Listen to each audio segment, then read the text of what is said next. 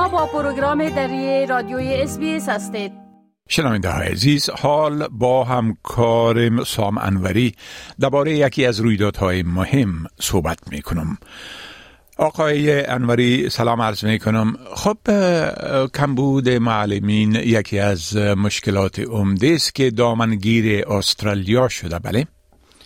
با سلام به شما و شنوندگان عزیز. بله با بازگشت کودکا به مکاتب در این هفته مشکل سراسری کمبود معلم یک بار دیگر در محراق توجه قرار گرفته. یک گزارش جدید نشان میده که بسیاری از مکاتب برای پر کردن موقعیت های خالی تمام وقت و گاه به گاهی یا کژوال معلمی در تقلا هستند. اگرچه نیاز به معلم در تمام کشور شدید است اما ایالت نیسات ویلز شدیدترین ضربه را از کمبود معلم می‌بینه. به همین دلیل از هزاران معلم متقاعد یا بازنشسته خواسته شده که برای رفع کمبودی شدید خاصتا در مکاتب ابتدایی و متوسطه دوباره وارد نیروی کار شوند. تری موریارتی یکی از این معلم است آقای موریارتی در سال 2008 پس از 50 سال تدریس مضمون ریاضی تقاعد کرد و اکنون در 75 سالگی از او خواسته شده که دوباره به عنوان یک معلم کژوال به صنف درسی برگرده.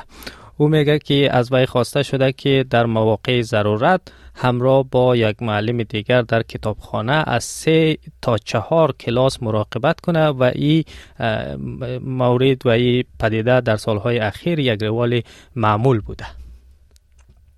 بله خب قسمی که یادآوری کردین نیو ساوت ویلز از ایالت های سوی یگانه ایالت است که در اونجا این مشکل نسبت به جاهای دیگه استرالیا شدید است. اگر در این باره لطفا یک مقدار توضیحات بتیم بله گزارش نشان میده که نزدیک به 2000 شغل تمام وقت معلمی در نیوسات ولز در پایان سال گذشته خالی بوده و مکتب ها مجبور شده که ده هزار صنف را در سراسر ایالت ادغام یا لغو کنند. در مناطق اطرافی کمبود معلم به مراتب بدتر است.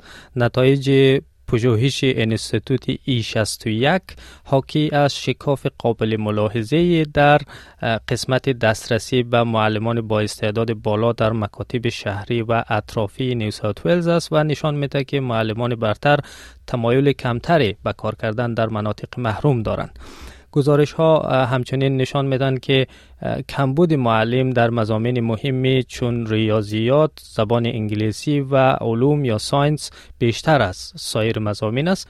در حال حاضر 175 مکتب عالی یا لیسه در ایالت نیو ساوت ولز دنبال معلم انگلیسی و ریاضی هستند. بله خب گفتم میشه که یکی از دلایلی که معلم ما وظایف خود ترک می‌کنن و ای از این مسلک بیرون میشن فشار کار زیاد است می‌تونین بگوین که معلم ها دیگه ای باره چی میگن خب شکایت از خستگی و کار زیاد این روزها به نقل مجلس معلمات تبدیل شده.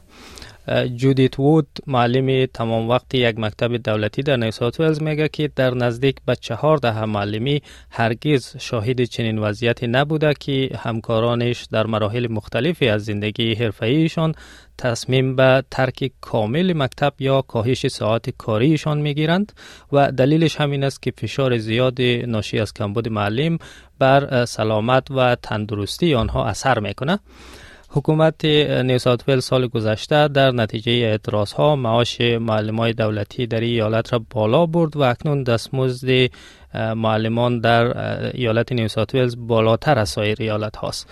همچنین حکومت فدرال بورسیه ها کمک هزینه ها و تخفیف های را در قرضه تحصیلی برای رشته معلمی در نظر گرفته تا افراد بیشتری را به تحصیل در رشته جذب کنه.